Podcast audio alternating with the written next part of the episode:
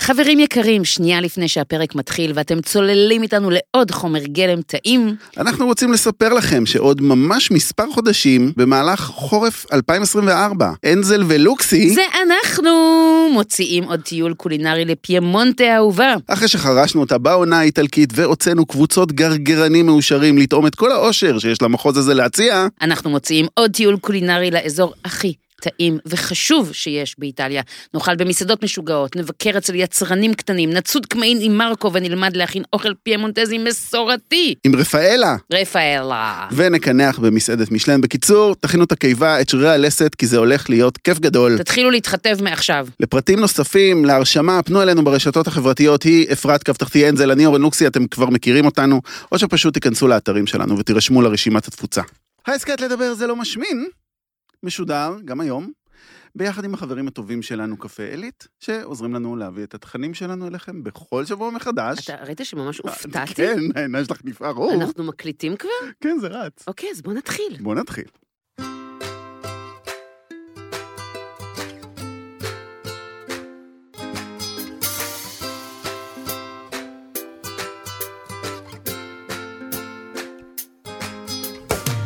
הלו, הלו, הלו. הלו, הלו, הלו! מה שלומכם היום?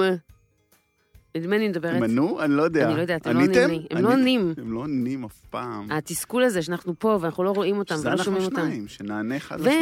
ואנחנו שניים, את יודעת שיש לך קול סבבה דווקא. בטח לא לבד. וואו, אני ממש מופתע. מה, יש לי שמיעה מוזיקלית אבסולוטית ובעיית שליטה במיתרי הקול, זה הבעיה. ורצפה עקומה. חברים יקרים, איזה פרק מרגש עומד לפנינו! אתה יודע שאני עשיתי חמש יחידות מוזיקה? מה? כן, כן, אז עשיתי חמש יחידות מוזיקה, תולדות המוזיקה ותיאוריה. וכן, וכך יכולתי להרשים את עמרי בפגישותינו הראשונות. לא בדייט הראשון, כי בדייט הראשון הייתה מוזיקה חזקה מדי מסביבנו. כן, זה היה במועדון. בבלוק. בבלוק. בבלוק. דז, דז, כן. חברים, אני חוזר על ההתלהבות שלי כן, מקודם, כן. היא היא עדיין אה, בוערת בי, איזה איזה- פרק מרגש! איזה כיף לדבר על, אני חושבת, אחד המאכלים ששנינו הכי אוהבים. אה. חד משמעית אוכל הרחוב ששנינו הכי אוהבים. אתה אני רוצה- רוטט, אני רוצה שיגברו אותי כן? עם טלפון נייד. למקרה שאני לא מת, שאני אוכל להתקשר, להזמין. להזמין לי המבורגר עד שיחלצו אותי, שיחכה לי ברגע שאני יוצא מהקבר.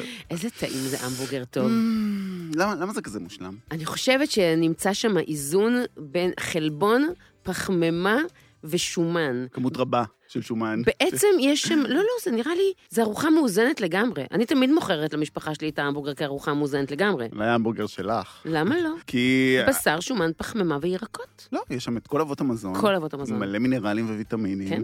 ללא ספק מאכל עשיר ביתרונות, אבל... את יודעת. מה הבעיה? הבעיה? כן. ברטבים. נכון. שם הבעיה. אתה ואתה שם הרבה?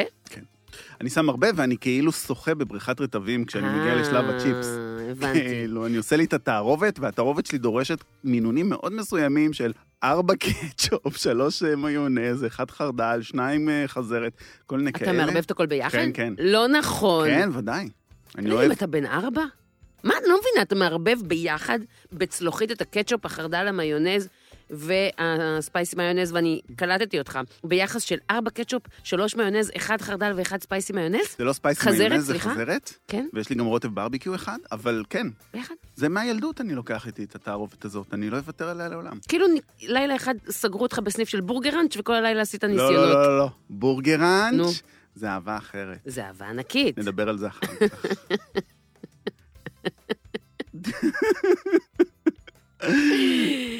אני יודעת איפה אתה נופל, בגלל זה אתה אומר שזה לא אה, אוכל בריא, המבורגר. ברטבים. זה- ברטבים ובצ'יפס. ובצ'יפס. פשוט אם יש מקום לצ'יפס, מזמינים עוד המבורגר. אני מאזן את זה, אבל עם אה, כל הזירו. כאילו, תראה את אלה? תן לי טריפל, אבל עם כל הזירו. והנה חמישה דברים שלא ידעתם על המבורגר. אפרת, מה? יש לי... שישה... אר- יש לך שישה- 400? שיש- יש לי שישה מיליון דברים. גם, גם לי בערך? בוא אבל- תבחר שלושה, אוקיי, אז- ואני אבחר שלושה גם. אז אני ידעתי שאני אצטרך שלושה, אז אני כאילו חיברתי כמה מהם ל... אה, אז אתה הולך בעצם עכשיו, אתה פוצח במונולוג כרגע? כן, אבל עשיתי מעבר יפה ביניהם. אוקיי.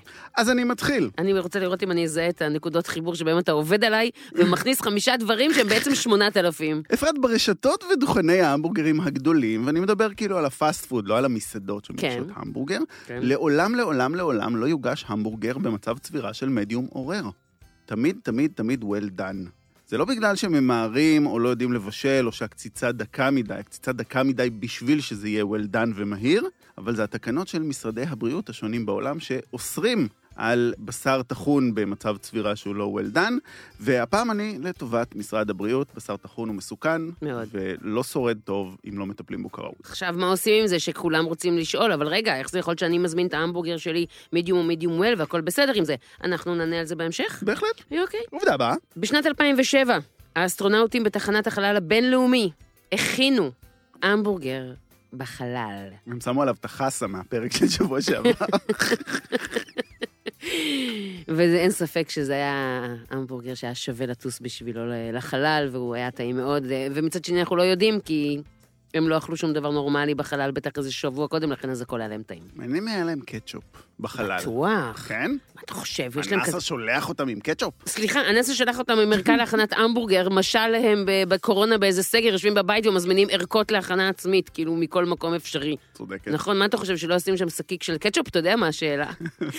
כמה שקיקי קטשופ שלחו להם, וכמה מהם הם לא הצליחו לפתוח עם השיניים. מכירה את זה שאת הולכת לדוכן במקדונלדס ואת אומרת אפשר קטשופ ואז נותנים לך אחד.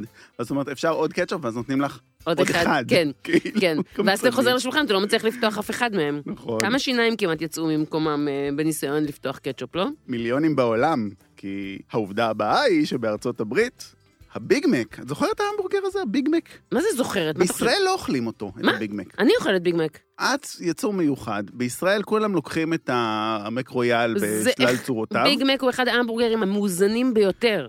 מם, ביג לא מק- מבחינה בריאותית. לא מבחינה בריאותית, אבל מבחינת טעמים. אה, כן, השילוב. זה ההמבורגר הכי נמכר בעולם, כן. ורק בארצות הברית עם מכירות של יותר מ-550 מיליון יחידות בשנה. מיליון יחידות בשנה, חצי מיליארד מטורף. יחידות בשנה. אתה יודע למה בארץ הוא פחות פופולרי? כאילו, התיאוריה שלי. נו, כי בארץ, גם אנשים שאוכלים בסניפים אה, לא כשרים, הרבה פעמים מזמינים את הביג מק בלי גבינה צהובה, מהמם. מטעמי כשרות. כן. וברגע שאתם מוצאים מהביג מק את הגבינה הצהובה, זה לא, זה לא קורה הדבר הזה, הוא לא טעים. הוא לא טעים. אין את מה שמרטיב את ההמבורגר, כי אין בו כמעט כלום הרי בהמבורגר הזה. לטעם של הגבינה הצהובה של מקדונלדס כן. יש טעם מיוחד. כן. לא- זה לא גבינה. זה- אבל זה- זה- כאילו זה- זה יש טעם- לזה- זה טעם שלא גבינה, כן, כן. נכון. טוב, למרות שלדעתי זה כן גבינה. לא, זה עשוי מחלב. אה, אוקיי. אבל זה כאילו. עובדה הבאה. אני נורא פוחדת מתביעה ממקדונלדס בעקבות הפרק הזה. כאילו, היום נראה לי אנחנו זה- הולכים להגזים. מקדונלדס, אנחנו אתם אוהבים אתכם. לא מוזמנים כן, לממן לנו פרק כן. על מקדונלדס. אני חושב שזה נושא ראוי לפרק עצמאי, אבל לא לפרק הזה. אז אולי עשיתי בחוכמה היום. נו, כי רציתי לדבר היום על, אה, על הסיפור המרתק של מקדונלדס, ואז בסוף אמרתי, לא, זה, זה פרק על המבורגר, כמה נדבר כבר על מקדונלדס, אז כאילו, לא שמתי אותו. אני גם אה, היה לי איזה אזכור לסיפור הזה. אוקיי. עובדה הבאה, אתם רגילים שאני חופרת לכם בכל שבוע על מקור השם, אבל השבוע אנחנו נעשה את זה כל כך קצר, שזה אפילו הגיע לחמישה דברים שלא ידעתם על. אה? כן, מה? כי מה מקור השם המבורגר? העיר המבורג? העיר המבורג בגרמניה, זה הכל. כמו שנקניקיית פרנקפורטר נקראת על שם העיר פרנקפורט, והנקניקיית ווינר על שם העיר וינה, ככה המבורגר נקרא על שם עיר הנמל המבורג שבגרמניה. אמ, אבל יש איזה עניין מעניין שם. אתה תגיע לזה בהיסטוריה. אני מגיע לזה? איזה עניין יש שם? יש שם עניין עם ההיפוך יסוד. היפוך יסוד זה כשלוקחים מילה, נו, לוקחים ממנה חלק, והחלק הזה הופך למילה עצמאית. על עכשיו, מה מה- אתה מדבר? מה הקטע בהמבורגר? נו, זה המבורג. נו. ער. נכון. עכשיו, לקחו את הבורגר, הוציאו אותו, וזה נהיה הכינוי של הקציצה. זה נכון. כבר לא המבורגר, זה צ'יזבורגר, צ'יקן בורגר, שרימפ בורגר, אוקיי, אבל אין בורגר, זה לא היה מילה. אוקיי. אני, זה... זה פרט מרגש אותך ממש. מ- ריגש אותי מאוד, כן. אבל, טוב, בסדר. אני הפתעתי את עצמי. לא, בסדר. מכירה את הדאבל ההמבורגרים? יש שתי קציצות, יש גם טריפל? כן. כאילו, אני כן. מזמין טריפל, כי אני חזיר. מה? כן, כן. אבל, כן. רשת ההמבורגרים In and Out מארצות הברית מכרה פעם כריך עם 100 קציצות. הכריך נקרא 100 על 100. את יודעת כמה הוא עלה? 100 דולר. 97.66 דולר אחרי מיסים, אבל אם חשבת שזה ההמבורגר הכי יקר בעולם, אה, לא, אני לא חשבתי ש... אל תחל לי עכשיו שתי שתי עובדות. לא, לא, לא, לא. לא, אני לא. חייב, אני אז תיתן חייב. אחר כך עוד עובדה, אבל אתה לא יכול לעשות כזה ברדק. למה? כי אני, יש לי מה להגיד על ההמבורגר מה, הזה אז של תגידי, המאה. תגידי. אני אגיד לך מה יש לי נו. להגיד. כמה לחמניות היו בסיפור הזה? זה היה כאילו שני חצי, כאילו, כן. שתי חצי לחמניה כן, בפנים כן, כן. מהמבורגרים? כן. איך אוכלים כזה דבר? וואה, בחלקים. אבל אין את החוויה של להחזיק את ההמבורגר בין שתי לחמניות. תכף אני אספר לך על איך אני אוכל המבורגר, ותשעמט לך הלסת. אף פעם אני לא אוכל אותו סגור, אבל אני חייב לתת את העובדה האחרונה. אני חייב. אה, מישהו פה מרמה. נו, אני חייב, אפרת. כן. ההמבורגר היקר בעולם נקרא 5,000 פלרבורגר. מדובר בקציצה מבשר קובה ביף עם פטריות קמעין שחורות וכבד אווז, כן. מצופה זהב שהוגש בלאס וגאס במלון פלר ביחד עם בקבוק של שאטו פטרוס 1990 ומחירו...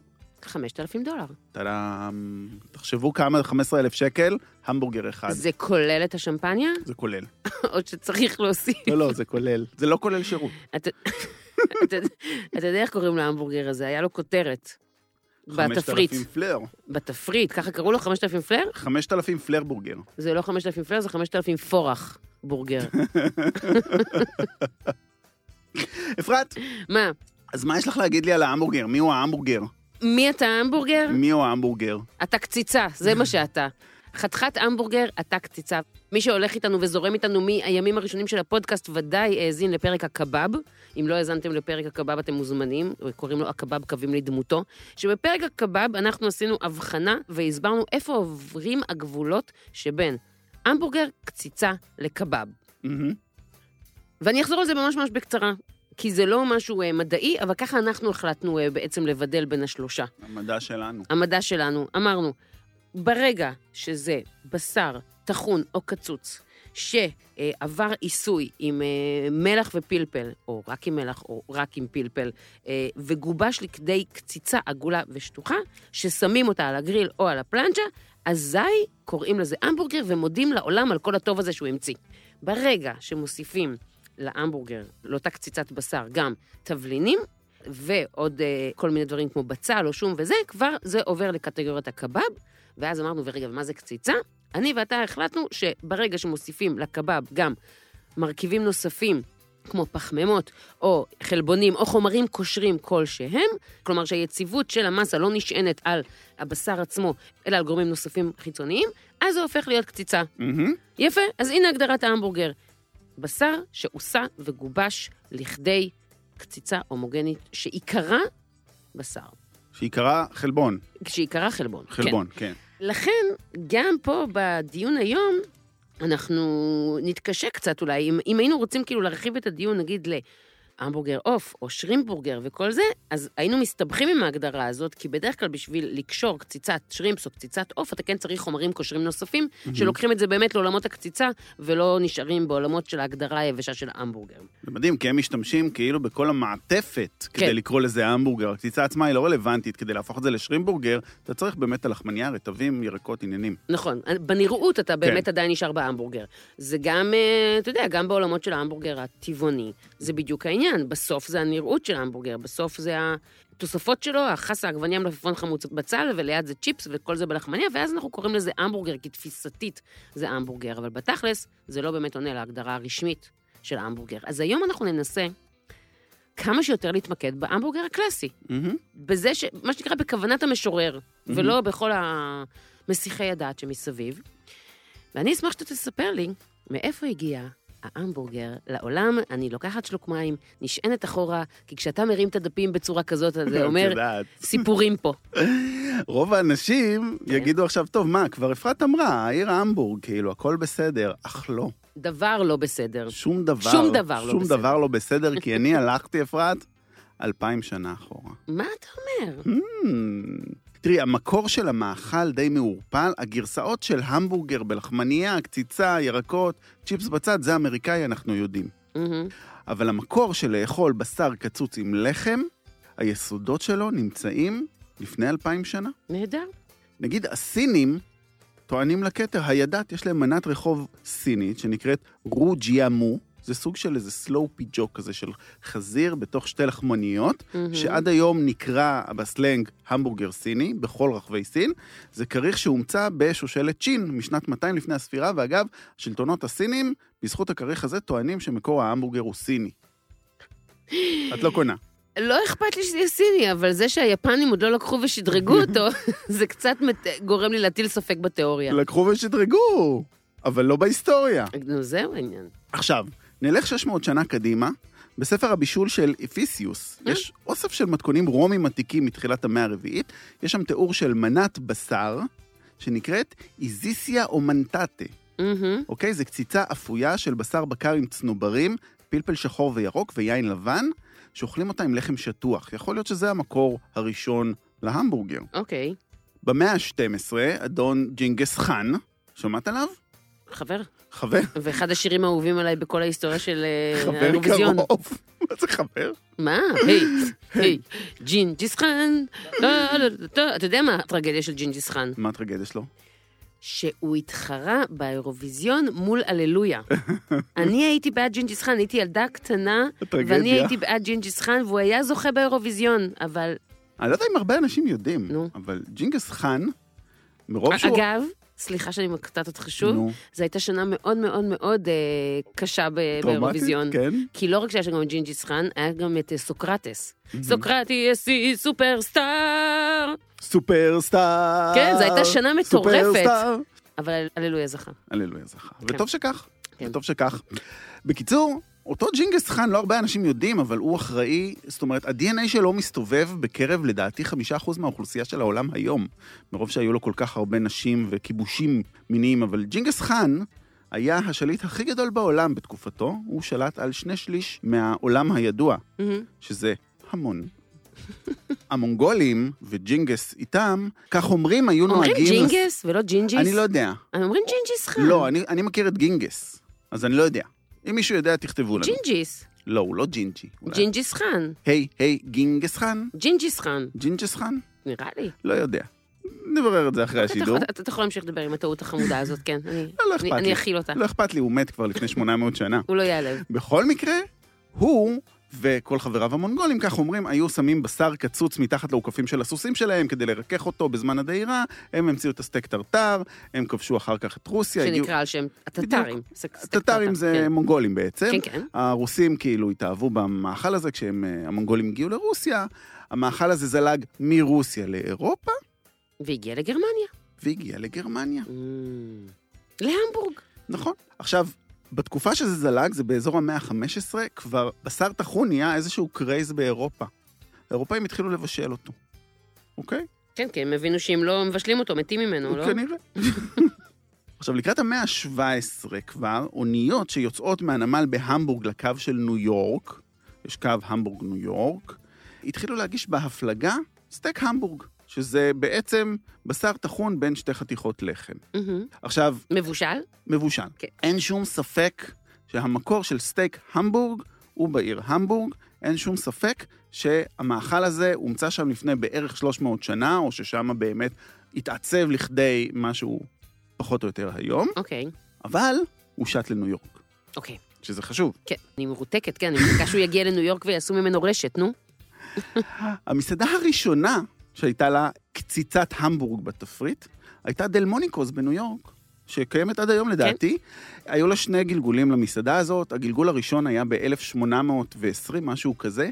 כבר ב-1837 זו הייתה המנה הכי יקרה בתפריט, אפרת. קציצת המבורג, היא עלתה עשרה סנט, מהמם. כפול ממחיר של סטייק. וואו. אז כי שם הם הבינו, לייבור קוסט. לייבר, פחות או יותר. לא היה אז מטחנת בשר, והם נאלצו לקצוץ את זה בידיים. אמרו, צריך טבח לקצוץ את הבשר, צריך לגלם את זה במחיר המנה.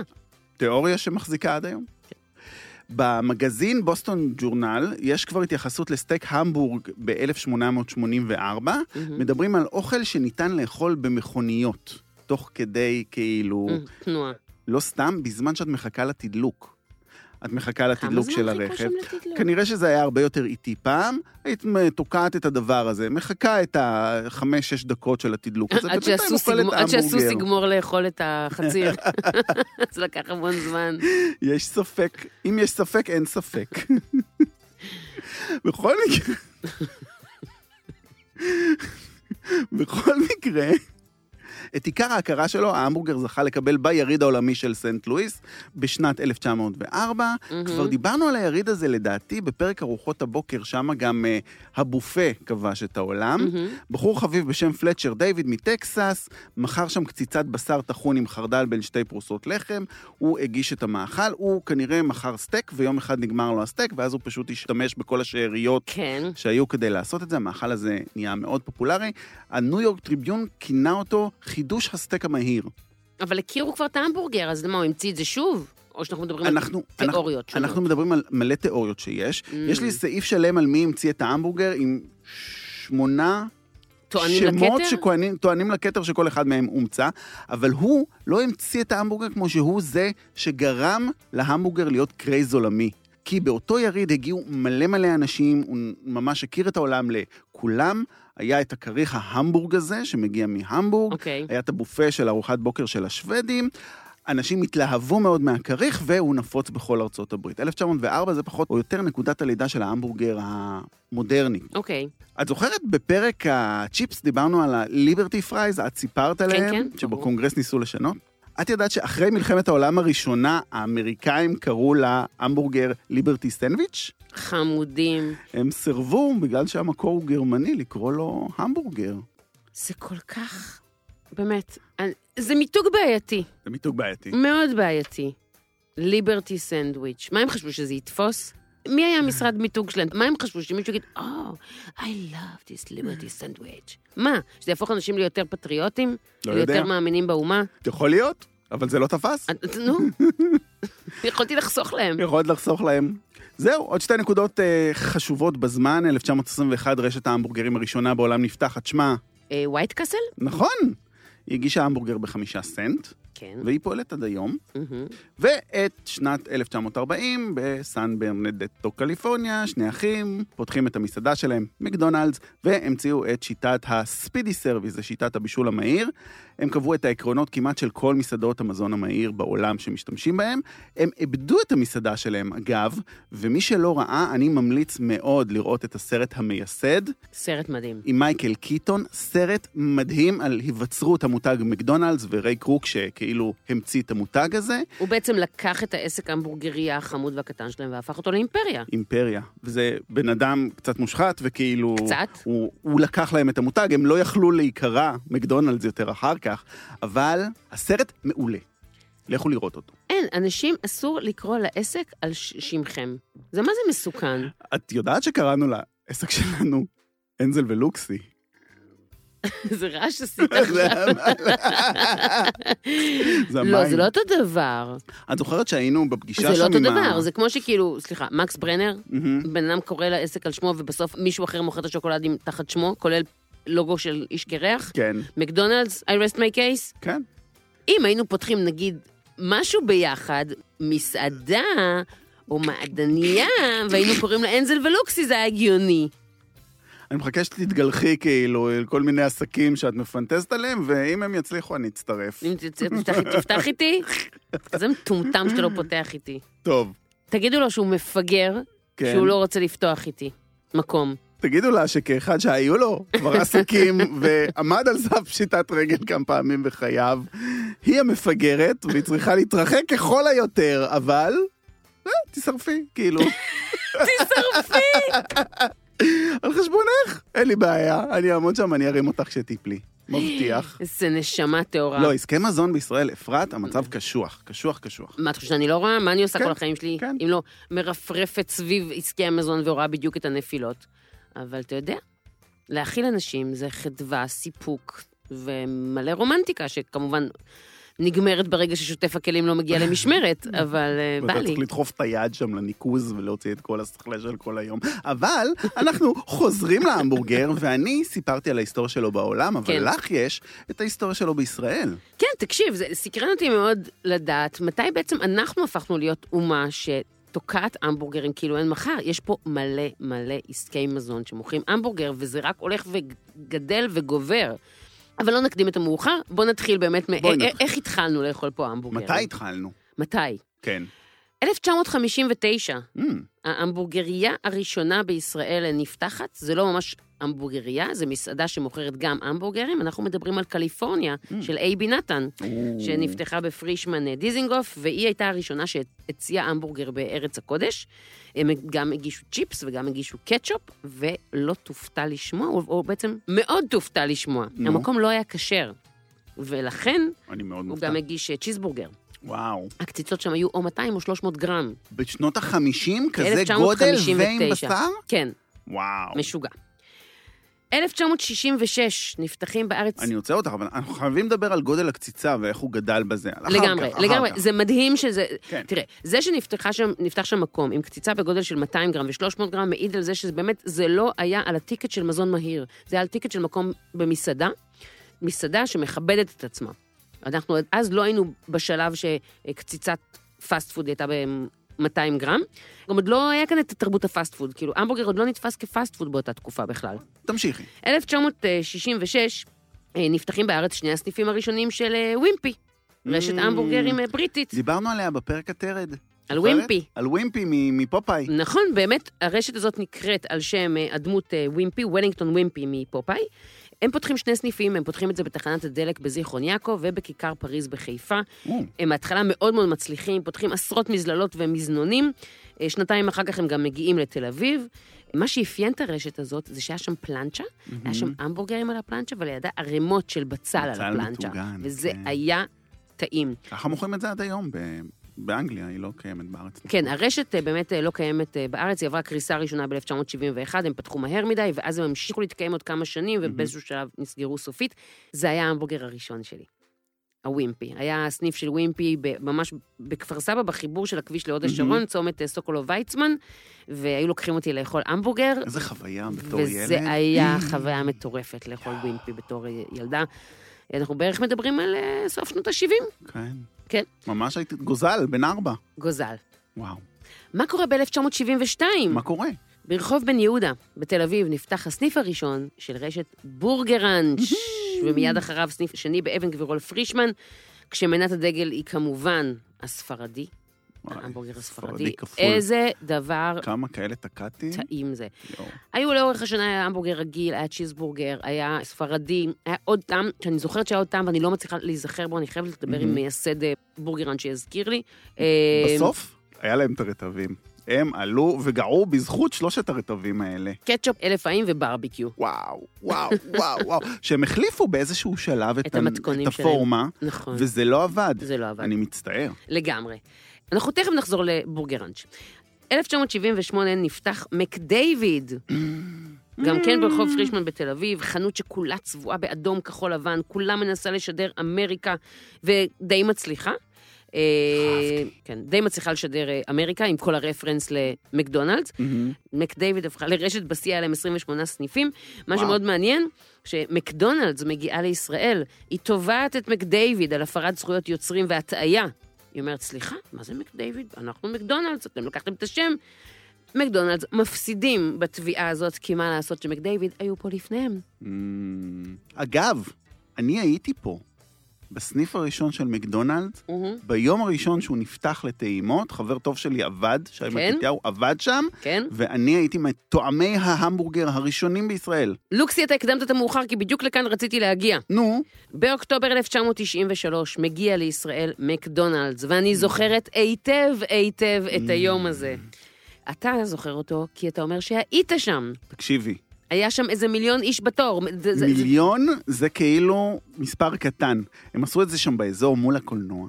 אהה. האזור הזה כבר לא קיים, כל הקניון הזה עבר שיפוץ והוא היום נראה אחרת לגמרי. וזה היה מסעדה עצומה, עם מלא מלא מלא עמדות, אהה. ותור שמילא את כל הקניון. אני זוכרת את היום הזה מהסיפורים של אחי, אח שלי נסע עם חבר שלו, הם לא רצו לקחת אותי יחד איתם. הם רעים? נס- רעים, נסעו שניהם, אכלו מקדונלדס, אני הייתי שם ארבעה ימים אחר כך. עדיין היה תורים, אבל פחות חמורים מאשר היום הראשון שכל ישראל עמדה בתור וחיכתה ש... "אה, שיביאו לנו משהו מה... באמריקה. מהדוד סם, אנקל סם הגיע, כזה. עלובים, עלוב. עלובים. באמת עלובים. ומה שמאוד אה, נחמד, אני חושבת, אה, מה זה נחמד? זה הדבר הכי מתנשא שיכולתי להגיד. יש סניף אחד של מקדונלדס שלא הצליח. איפה? בני ברק. שנקין אחד העם. שנקין, אחד העם. היה מקדונלדס. סליחה, איפה? היה אמ. אני מקדונלדס. גר שם, באיזה מהפינות. אמא שלי עבדה שם, את יודעת? אז תשאל את אימא שלך. מהמחקר שאני עשיתי לקראת התוכנית, גיליתי שזה היה סניף התל אביבי היחיד שנסגר. את רוצה להגיד לי שיכל להיות סניף מתחת לבית שלי? כן, טוב, כן, עדיין כן. יש סניף מתחת לבית שלי ב- בסנטר. אוקיי, אג- אגב, ב-95 הם פותחים סניף כשר במבשרת ציון, וזה הסניף הכשר הראשון, אה, כמובן, גם אה, בעולם. שנה אחר כך אה, מגיע ברגר קינג לישראל, ומה שמפתיע, שברגר קינג נאבקת כאן. כן. וזה מחזיר אותנו למקדונלדס. בשנות ה-60, כשמקדונלדס וברגר קינג מגיעות, בהתחלה זה זורק את אה, בורגראנץ' לקשיים. הרשת, אה, בורגראנץ' מתחילה להחליף בעלויות, היא נמכרת לרשת בורגר קינג, אבל מה שמדהים זה שהחברה שמחזיקה את שתי הרשתות, את בורגר קינג ואת בורגראנץ', מחליטה לאחד את שניהם למותג אחד תחת שם אחד, בורגראנץ'. כן, כלומר, בעצם המותג המקומי מנצח את בורגר קינג. כן. שזה מטורף. בהמשך, בורגר קינג פותחת כאן מחדש, ויחסית אה, יותר מצליחה, אבל זה עדיין, אני זוכרת את הזיכרון הזה, ש... את הכתבות בעיתון, שבורגר קינג הופכת לבורגר ראנץ', זה, זה רגע של גאווה לאומית, הדבר הזה. אני כילד טסתי לארה"ב, נראה לי בגיל 11, משהו כזה, עם אימא שלי, ושם טעמתי את כל ההמורגר. הברגר קינג, ה- הוופר של ברגר קינג, היה בעיניי ההמצאה הכי טובה עלי אדמות. כי ברגר קינג באמת צולים אותם על גריל Mhm. ולא על פלנצ'ה כמו כל השאר. הגיע מקדונלדס, נורא נורא התלהבתי, אבל כשבאמת, כשפתחו פה את הסניף הראשון של הברגר קינג, אז אה, התלהבת אני יותר? בדמעות הלכתי אליו, בדמעות. זה לא היה אותו טעם, אגב. ברור. אני יכולה להגיד לך שהמקדונלדס הראשון של חיי היה בגיל אה, 14, מהמם. הייתי בחילופי נוער כזה, או 14 או 15, חילופי נוער אה, לגרמניה. כן. ו...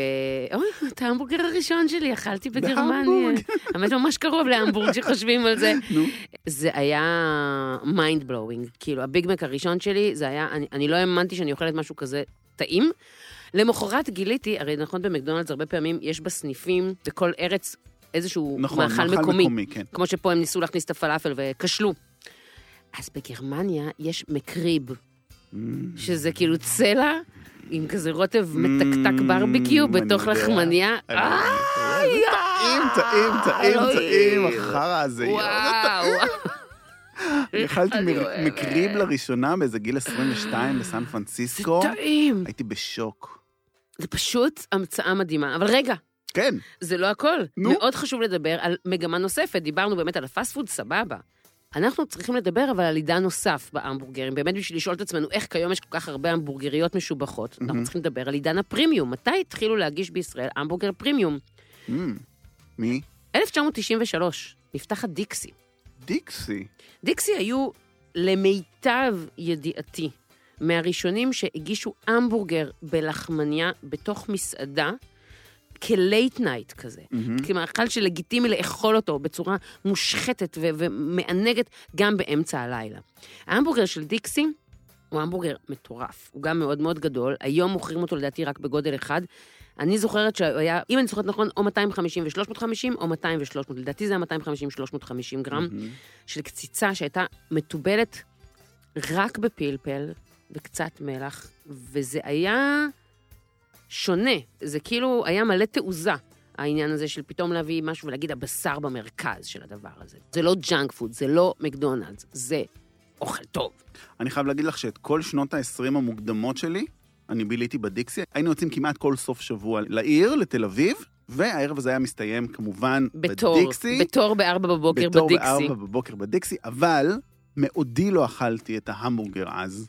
מה? מעולם לא, לדעתי, אכלתי אותו לראשונה לפני אכלת כמה רק שנים. כנפיים והום פרייז? כנפיים והום פרייז, וכמובן ואגס אגס בנדיקט. בנדיקט. וואו. אי, וואי, וואי, וואי, וואי, וואי. אין, זה היו ימים, אני- כל פעם שהיינו עובדים הייתי בבר, והיינו מסיימים את המשמרת בבר שקוראים טילים, הולכים לדיקסי, עומדים בתור גמורים, אי אפשר עם, להסביר ו- את זה. וכנפיים, אום פרייז ואקס בנדיקט לגמרי. אבל היו פעמים שאכלתי את ההמבורגר, ונהיו מלחמות קשות. הרבה פעמים הגעתי למצב שהייתי פשוט אומרת, אוקיי, כנפיים אום פרייז, כאילו חולקים שולחן Mhm. אקס בנדיקט, וחצי חצי, מי נכנס איתי בחצי המבורגר. כזה.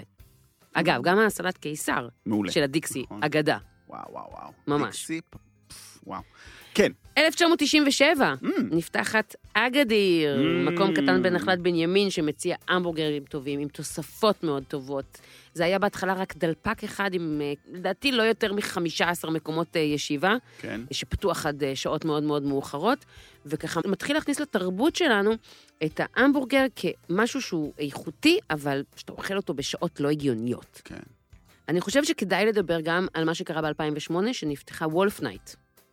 כי אוקיי. פתאום יש לך המבורגר פרימיום בטייק אווי. כלומר, זה לא מקדונלדס או בורגר קינג שאתה לוקח בטייק אווי, מהמם. יש לך בעצם המבורגר פרימיומי יותר שאתה לוקח אותו בטייק אווי. אוקיי. וזה אבן דרך, כי היום, ועוד מעט אנחנו נגיע לזה בהמשך התוכנית, יש כל כך הרבה המבורגרים שהם פרימיומים, מהמם. שזה נראה לך הכי מו- מובן מאליו, כאילו, לקחת אותם ולאכול אותם תוך כדי תנועה. כן. יכול להיות, אגב, שהיה אח- אחד לפני וולף נייט. אני, אוי, אז אגב, בהתחלה קראו לו וולפגנג, לא קראו לו וולף נייט. וולפגנג. נכון. הוא איפה שהיום הוויטרינה לילנבלום, לדעתי, לא? כן, כן, כן, כן, כן. כן. נכון? נכון. כן. נכון. בלבל אותי הסניף באבן גבירול, אבל לא, הוא סניף מאוחר שנסגר יותר. כבר, כן? כן. אז בהתחלה קראו לזה וולפגנג, ולדעתי הוא היה מהראשונים שעשו את המהלך הזה, וכל השאר היסטוריה. וואו, כמה המבורגרים אכלתי במהלך חיי עכשיו. אני נזכר בכל אחד מהנקודות שלך והרפרנסים. אוקיי, כן. כמה המבורגרים אכלתי בחודש האחרון. איי.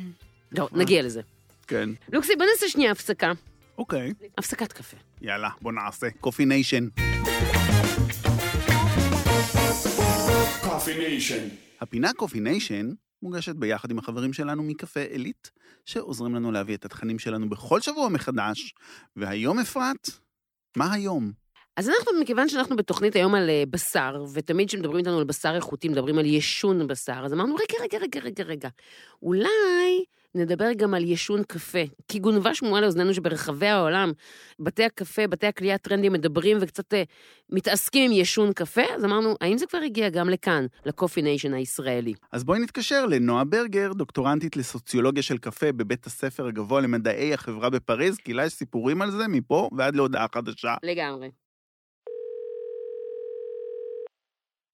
הלו, הלו, הלו! שלום, היי, מה העניינים? בסדר, מה קורה? בסדר, הצגנו אותך כבר בפני המאזינים שלנו, סיפרנו להם אה, כל מה שצריך לדעת עלייך, והבטחנו להם שאת הבן אדם שיודע לדבר על ישון קפה פה בארץ. וואי. מה מה זה אה, הרמנו? לא חבל לך בטוחה, הזמן. אבל, אה, אבל, אבל, אה, אבל חקרתי את הנושא.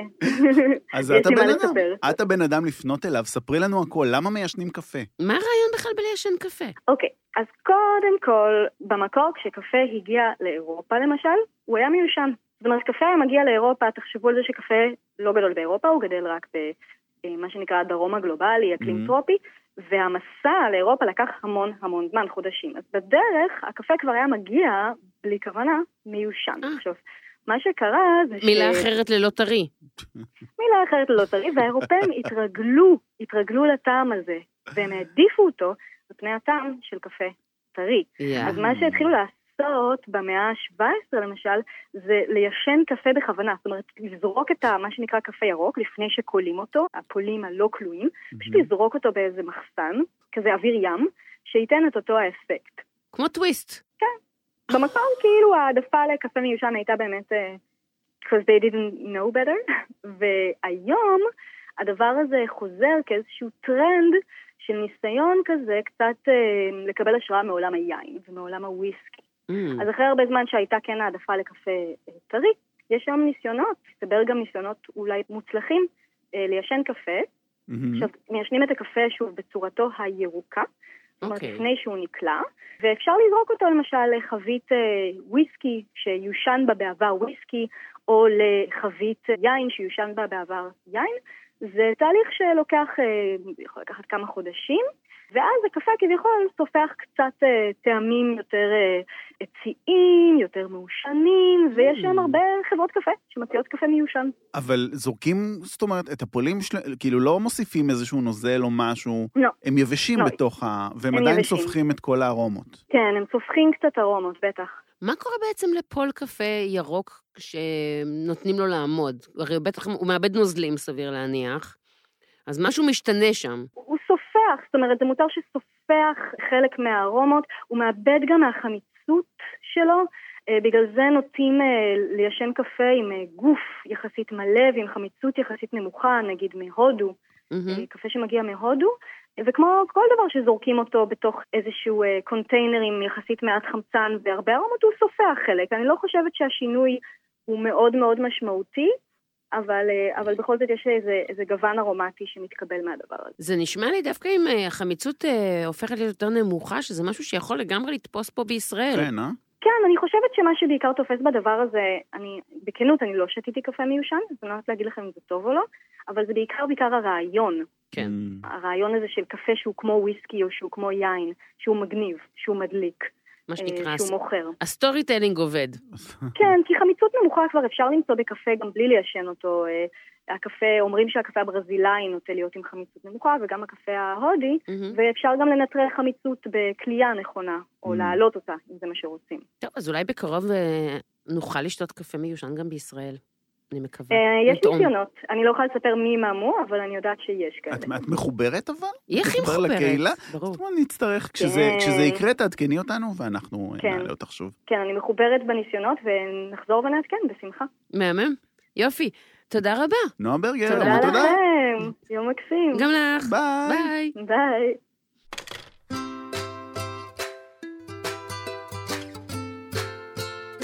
אגב, כן. נזכרתי מקודם שאמרתי לך בפתיח, כאילו, על מקור השם שיש לי מעט מאוד מה להגיד עליו, ושכחתי עוד דבר אחד להגיד לך, נו, שלהמבורגר אין מילה בעברית. נכון. זה לא כמו שניצל שהוא קטיטה, או סטייק שהוא הומצא. ההמבורגר זה בסך הכל קציצת בשר. Hmm. אין, אין לו מילה משל עצמו. המותג חזק מדי. אין מה לעשות, אי אפשר להילחם בזה. כמו המותג שלנו. עוד כמה זמן התוכנית כאילו נגמרת ותוקעים המבורגר? אני כבר, זהו, אין אותי. אני מוכן לעצור עכשיו. יואו, איזה תוכנית קשה. רוצה לשמוע קצת על ההמבורגרים מוזרים אה, מרחבי העולם? אני רוצה?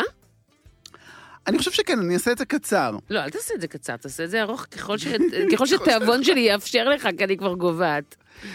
תראי, לא מדובר פה באיזשהו דברים מיוחדים. רציתי לדבר קצת על הסליידרס, שזה כאילו ההמבורגרים הקטנים שנהיו נורא נורא פופולריים בשנים האחרונות. מהמם. המקור שלהם די חמוד, למה קוראים להם סליידרס? הם מגיעים מהצי האמריקאי, היו עושים המבורגרים קטנים בספינות, מהמם. ובגלל שהם כל כך קטנים, הם היו מחליקים בפלנצ'ות כשהאונייה זזה, ולכן קוראים להם סליידרס. אוי, זה סיפור חמוד. חמוד, כן. ויש עוד כל מיני המבורגרים שהם כאילו נהיו מותג, כל מיני שיטות המבורגרים שנהיו מותג. למשל, במיניסוטה יש את הג'וסי לוסי, שזה מה? בעצם... פה קראנו לזה נקניקייה. אז אנחנו קראנו לה מיס לוסי, כן. ולי בילדות קראו מיס לוקסי, בגלל הנקניקייה הזאת. אבל מה יוצא פה היום, השפלות, אלוהים? השפלות. אבל בגדול, מה שמדובר שם זה בגוש של גבינה שעוטפים אותו במעטפת דקה של בשר, והדבר הזה עולה על הגריל, והגבינה נמסה בפנים, ואת אוכלת את זה וזה רותח זה ונמס. המבורגר ממולא ו- בגבינה? ממולא גבינה, אני עושה לפעמים. אה, יש לי כזה מתכון, זה המתכון הכי שערורייתי שלי בטיקטוק. מה זאת אומרת הכי שערורייתי? יש לו איזה 100 אלף צפיות ואיזה 1,400 תגובות, וכל התגובות זה קרבות, אבל קרבות עם קללות של למה? של אנשים שתומכים אה, כי זה- בכשרות. אה, ואנשים שהם כאילו אומרים, תנו לו לאכול מה שהוא רוצה, זה לא מה עניינכם. אתה אומר? תקשיבי, יש שם לא, תגובות, לא, לא, את כן. מתה. כן, כן, קטע של כשרות אה, עושה הרבה בלאגן ברשת, כמעט כמו טבעונות אגב. הרבה יותר מטבעונות. הרבה יותר. במיוחד בשנים האחרונות, יש פה איזשהו רנסאנס של כשרות, של אנשים לוקחים את זה, זה ציפור נפשם. באמת. אני רואה אני לא את זה. חושבת שזה רנסאנס חדש, אני חושבת שזה תמיד היה, רק שעכשיו יש רשתות חברתיות שהקרב הזה יכול להתקיים. בוא נגיד, לא הרגשתי אותו כל כך כי- לפני חמש שנים. את- את- את כן? Mm, כן, בתור אחת שכתבה בעיתונות וחטפה ריקושטים כשהיא כתבה על דברים שהם אה, לא כשרים, או שהעליתי מתכונים לפני אה, עשור, כאילו, כן, כן, כן, כן. כן, כן, מתכון עם פ- פירות ים זה ביג נו נו. כן. טוב, אבל היום יש גם אווירת התלהמות כללית, והרבה אנשים בבתים, כן. ולכולם משעמם, וכולם עצבנים ומדוכאים, אז על מה הם יוציאו את העצבים? על על ה- ההמבורגר שלי בטיקטוק.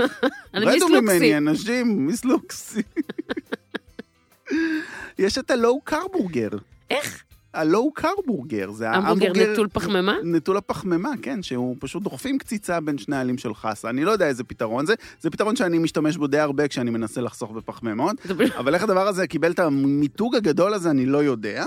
אוקיי. במקסיקו יש לנו את ההמבורגזה. וואי, יואו, זה טעים זה, אלוהים אדירים, כמה ספרי לי על המבורגזה, חוויית יואו, ההמבורגזה שלך, יואו. אפרת. הרגת אותי, אני לא יודעת מה הם עושים שם, אבל הבשר שם כל כך טעים.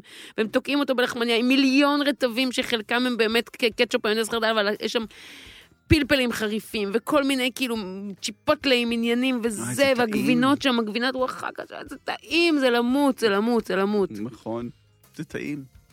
אני לא אכלתי אותו במקסיקו, אבל אכלתי אותו בספרד, זה טעים.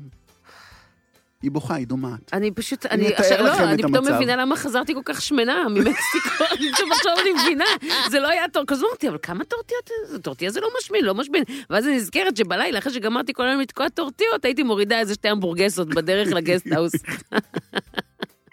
סך הכל הגיוני. וואו. וואו, אני מת לחזור לתקופה הזאת של הילדות, שאת יכולה לתקוע המבורגר בארבע בבוקר, וכאילו לקום למחרת. אז תקשיב, אני עכשיו, מה- בחודש האחרון של הקורונה, אני חזרתי לתקופה הזאת, אני תוקעת מה שאני רוצה מתי שאני רוצה. נו. גם ככה אין מה להתלבש, אני עם טרנינג. אתה לא רואה שאני עם אבל זה לא עניין על זה, זה עניין, אני קם מת, נו. כאילו, אני רוצה להקיא. בסדר, אני מי קם, רואה? אני תקיא. זקן. נו. אני זקן, אבל- אבל הזדקנתי. אף אחד לא יוצא לשום מקום, תקי, תמשיך. טוב. יש לי המלצה של רופאה. תקי, תמשיך. אפרת, באנגליה יש לנו את הבמבי בורגר. לא, אני לא, אני רוצה לדעת מה זה במבי בורגר? זה המבורגר שמגישים בדרך כלל בפאבים שעשוי מבשר צבי. אלוהים. אם אבל אתם למה רואים- לקרוא לו במבי בורגר? כי למה? כדי לעשות דווקא. אם אתם באנגליה ואתם בפאב וכתוב במבי בורגר, תדעו, הוזהרתם. באוסטרליה יש המבורגרים מבשר קנגרו, שבדרך כלל מגישים איך אותם... הבשר? קפיצי? איזה פרק שכונה! אני לא יודע, לא יצא לי לטעום. בדרך כלל מגישים אותם עם רוטב של אפשר לתפוס אותו? טאום, טאום, ארדוף טאום. אחרי ההמבורגר כזה. ואני, אני מהקשים, אני לא אוותר, אני ארדוף אחריו בכל הבוש עד שאני אתפוס אותו. בגלל זה עוד יצאתי. זה בא עם שעת כושר קומפלט. את זוכרת, דיברנו גם על המבורגרים אה, בפרק השימורים? זוכרת שאמרנו בטח. שיש המבורגר שמגיע בשימורים? כן, גועל נפש? כן. יש כזה דבר, אפשר לקנות אותו עד היום. עם הלחמניה והכל קומפלט. כן. שזה נורא. שזה נורא. בסין, אגב, כל כריך שיש בו בשר בלחמניה נקרא המבורגר.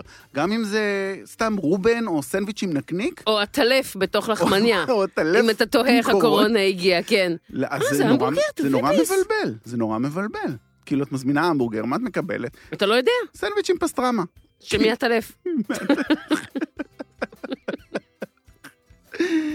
טוב, זה הסינים. היפנים המציאו את הראמן בורגר, לא. שהם עושים אה, מאטריות ראמן במקום קציצה, אטריות ראמן מטוגנות כאלה. במקום הלחמניה. במקום הלחמניה, לא סליחה. במקום הקציצה. במקום הלחמניה, נכון. כן, זה היה יכול להיות מוזר, אם היה לחמניה ובפנים דיסקית כזאת של ראמן, זה לא נראה לי טעים. זה נראה לי ממש מיותר. מיותר. בכלל במזרח, ביפן, בסין, בכל אלה, יש לנו גם המבורגרים שהלחמניה עשויה בכלל מאורז, לא מבצק אורז, אלא פשוט לוקחים אורז ודוחסים אותו ומתגנים אותו לדיסקיות כאלה, ובפנים שמים בשר, בדרך כלל מגישים את זה עם ווסאבי. להודים כן. יש כמובן המבורגר שנקרא וואדה פאב, שזה המבורגר מאוד מפורסם בהודו, אבל אסור להם לאכול פרות. הוא עשוי מתפוחי אדמה ותבלינים, ומוגש בדרך כלל ברוטב צ'טני נאנה, כמו הרוטב שעשית. מה זה קשור להמבורגר? הוא מוגש בתוך שתי לחמניות בתצורה של ההמבורגר, והוא נורא נורא פופולרי. כאילו אצל ההמבורגר ההודים. הטבעוני הראשון. סוג של, סוג של, את יודעת. אוקיי. ובבלגיה, וגם בכמה מסעדות בהולנד, יש את הביקי בורגר, שזה המבורגר שמשלב חזיר, עוף ובשר סוסים. למה קוראים לו ביקי בורגר? אני לא יודע. ביקי? ביקי. אבל הוא מוגש גם עם ביקי סוס, כאילו, שעשוי מחרדל וכרוב. נשמע, נשמע. אוקיי, חרדל, כרוב וסוס. כן. ואני רוצה לקנח כן. בקונספט של המבורגר טבעוני. בקונספט. אוקיי. אין לי איזה משהו ספציפי להגיד על זה.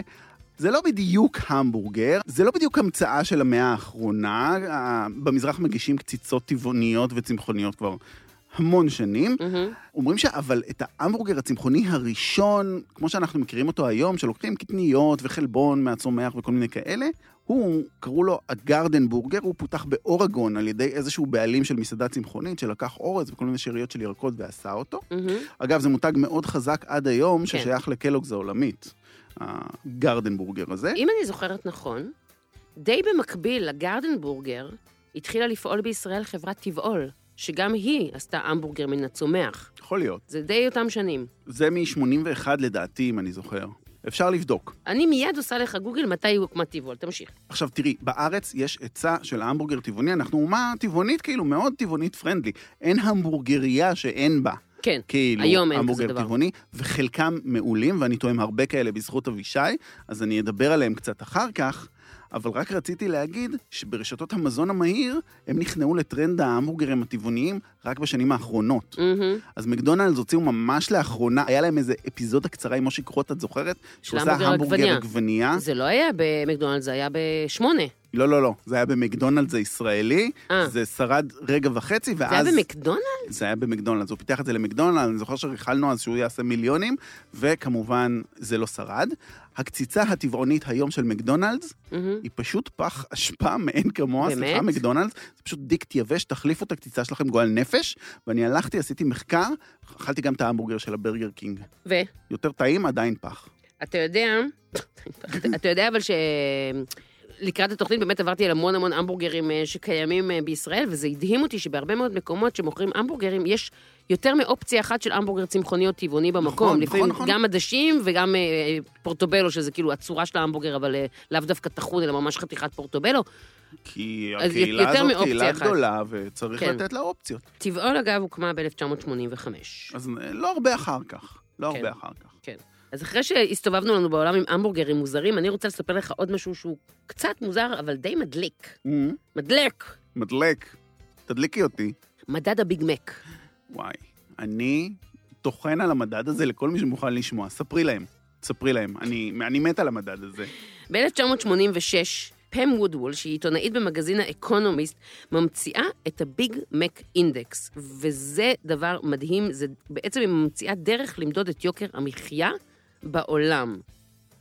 איך היא בעצם עושה את זה? היא אומרת, אם ניקח את כל הביג מקים אה, בעולם, ונראה כמה זה עולה בכל מדינה, אנחנו נוכל לדעת האם המדינה היא נחשבת יותר יקרה, או יותר... אה, מה יוקר המחיה באותה מדינה?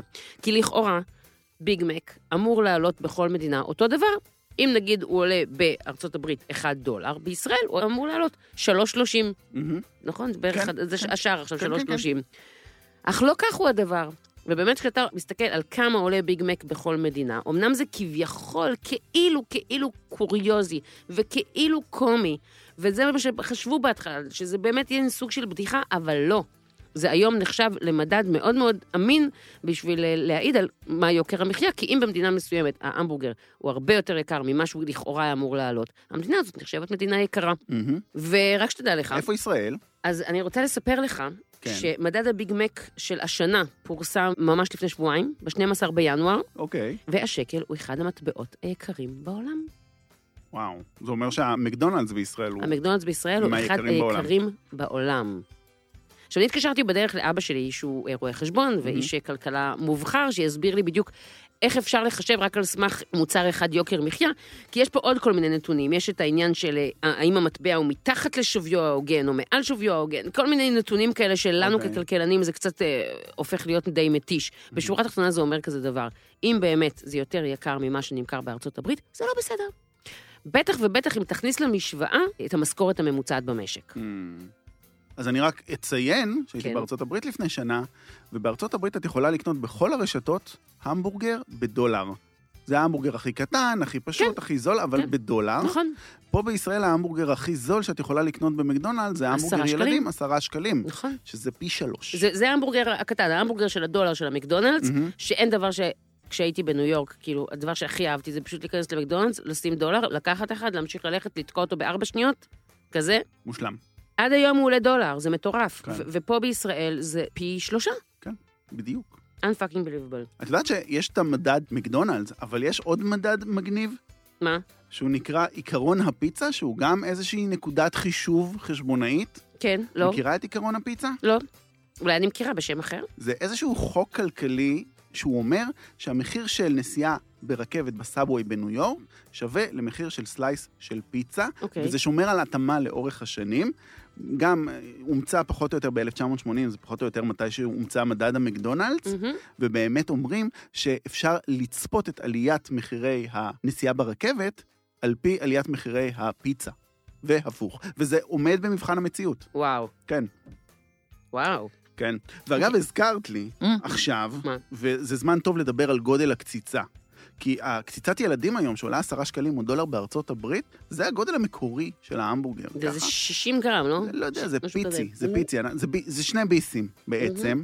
אני, כש- את זוכרת את תקופת החיטוף שלי, כשהייתי שרירי ובריון? זה לא היה לפני כל כך הרבה זמן. זה לא היה, זה היה חמש שנים, משהו לפני כזה. הקורונה.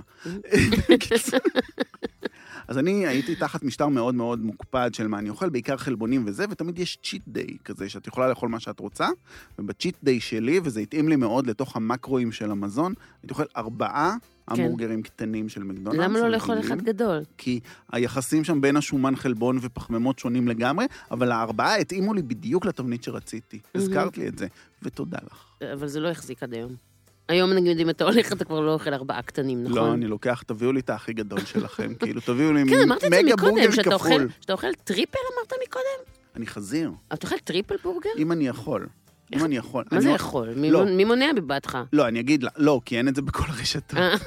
אין את זה בכל מקום. תביאו לי טריפל בורגר. אה. אדוני, אנחנו מוזס, כאילו, אין לנו תלך.